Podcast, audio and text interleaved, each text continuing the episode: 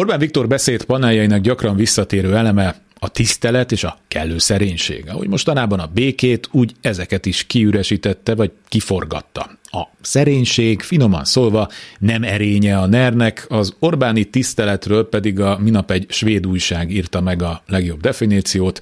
A magyar kormány elvárja a tiszteletet, akár egy gangster, ahelyett, hogy kiérdemelné azt. Rövid és pontos megjegyzés.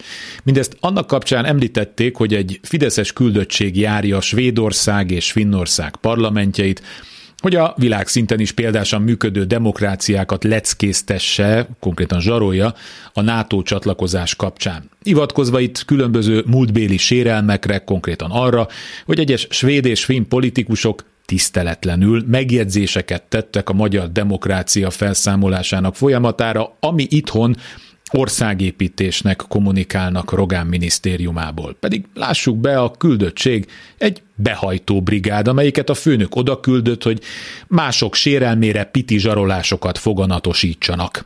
Megszavazzuk, de majd talán kérünk valamit, mondjuk a beragadt uniós pénzek érdekében, áttételeken keresztül okosba, vagy úgy általában Szeretnek tényezőnek látszani, persze, hogy a svédek is írják, nem a teljesítmény alapján, hanem erőből. Svédországban ma végeztek, és a hadgyakorlatot egykor kupakkal ellátott távcsövön át szemlélő Hende Csaba bejelentette, támogatják a csatlakozást. Finnországba megy tovább az utazó cirkusz, ahonnan viszont megüzenték, nincs miről tárgyalni, nincs mit magyarázni a magyar delegációnak. Szánalom és megvetés jár nekik a tisztelet helyett, és ezért házhoz mentek. Kárpát Iván vagyok, ez az Esti Gyors, a hírek után kezdünk.